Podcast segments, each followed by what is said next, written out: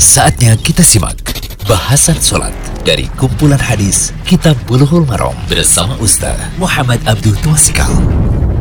Alhamdulillah, wassalamu ala rasulillah wa alihi. Kali ini kita berada di audio ke-10 uh, di 164, 165, 166 masih dalam kitab salat, waktu salat dari kitab Bulughul Maram karya Imam Ibnu Hajar Al-Asqalani. Hadis 164 dan dalam riwayat Muslim dari Uqbah bin Amir ada tiga waktu di mana Rasulullah Shallallahu Alaihi Wasallam melarang kami melakukan sholat dan menguburkan mayit pada waktu-waktu tersebut, yaitu hina tatlu syamsu bazighatan hatta tartafi'a wa hina yakumu qa'imu zuhirati hatta tazula syamsu wa hina tadayyafu syamsu lil ghurub. Yang pertama, ketika matahari terbit hingga matahari meninggi. Yang kedua, ketika tengah hari hingga matahari tergelincir.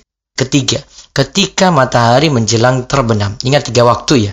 Ini dilarang untuk melakukan sholat yang tidak punya sebab dan dilarang untuk menguburkan mayit. Yaitu ketika matahari terbit hingga matahari meninggi. Ya, sampai jam 15 menit setelah matahari terbit. Yang kedua, ketika tengah hari hingga matahari tergelincir.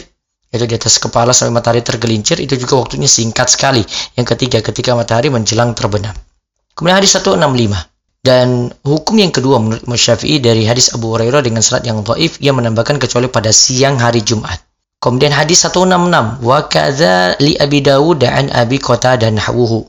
Begitu pula menurut riwayat Abu Daud dari Abu Qatadah yakni terdapat pengecualian di siang hari Jumat.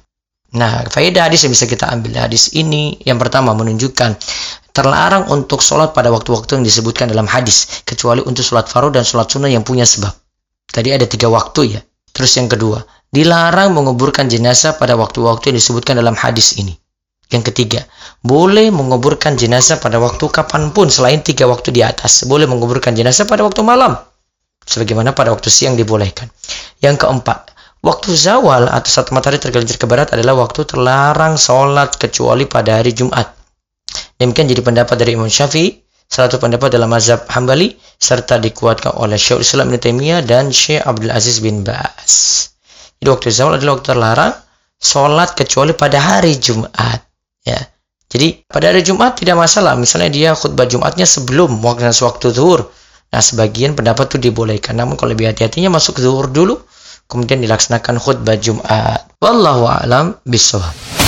Demikian bahasan sholat dari kumpulan hadis Kitab Bulughul Maram bersama Ustaz Muhammad Abdul Twasikal.